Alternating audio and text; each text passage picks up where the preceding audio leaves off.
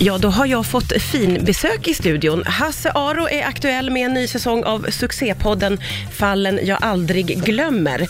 Och eh, igår släpptes första avsnittet eh, för nya säsongen.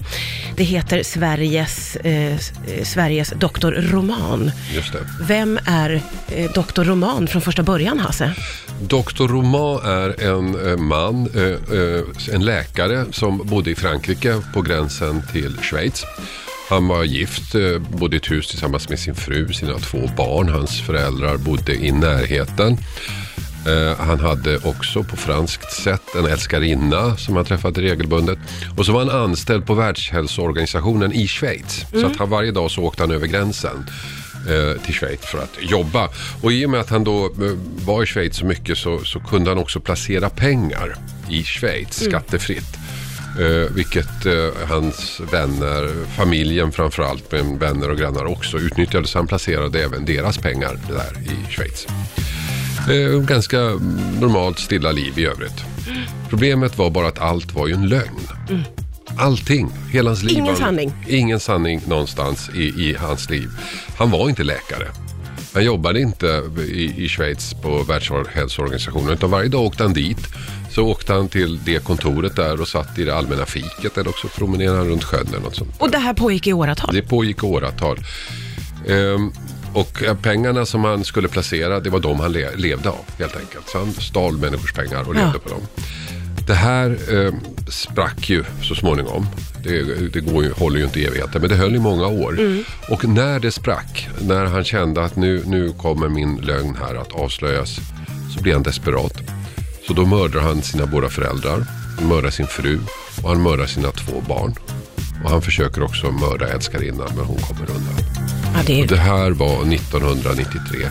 Och det, var, eh, det blev ju en jättehistoria förstås i Frankrike. Och sen skrevs det en bok om det här som heter Dr. Roman. Som kanske är den bästa true crime-boken jag någonsin har läst. Är det Den är så? fantastisk. Ja, historien är ju, jag ryser Ja. när du berättar om Ja. det. Man, det ska ju bara ske på film.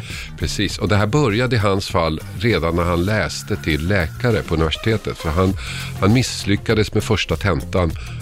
Och, och sen gjorde han aldrig om det, men han gick dit och låtsades att han studerade där. Så redan där började lögnen och sen så bara växte den. Otroligt. Och i första avsnittet av din podd Fallen jag aldrig glömmer så tar du alltså upp eh, Sveriges svar på den här eh, Precis. personen och det ska vi prata mer om alldeles strax. Jag gästas idag av Hasse Aro som är ju aktuell med ännu en säsong av eh, Fallen jag aldrig glömmer, succépodden. Och jag måste säga, jag har ju hört första avsnittet, det är ju gruvligt alltså. Du eh, tar upp fallet med Sveriges svar på Mm. Dr. Roman. Vem är det? Det är en man i Jönköping.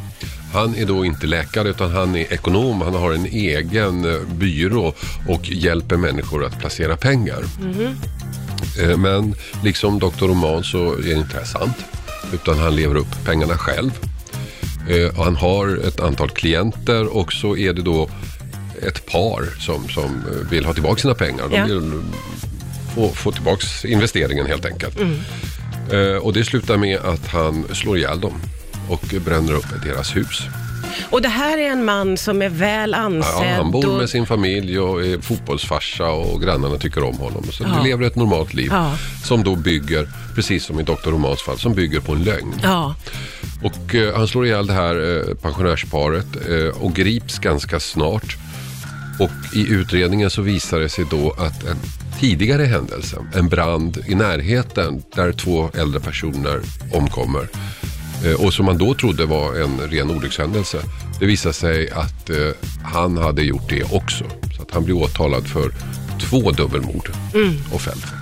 just det här fallet, eller de här fallen, får ju, och, och du tar ju upp det i avsnittet också utan att avslöja för mycket, men det här med att man börjar tänka på eh, kan vem som helst göra en sån här hemsk sak om man bara drivs till det? Ja. För det här är ju så spännande just med att det är, ja men som du säger, en fotbollsfarsa. Stor villa, grannarna gillar honom, grillar tillsammans. Och så är det en, en mördare i slutändan. Man får ju inte ihop det. Nej. Och det, det, jag tycker det här är väldigt fascinerande därför att vi ljuger ju alla. Ja, Medvetet och omedvetet så ljuger vi. Och oftast ljuger vi, eller när vi ljuger så ljuger vi för att framställa oss själva i lite bättre dagar Ja, än vad vi egentligen är.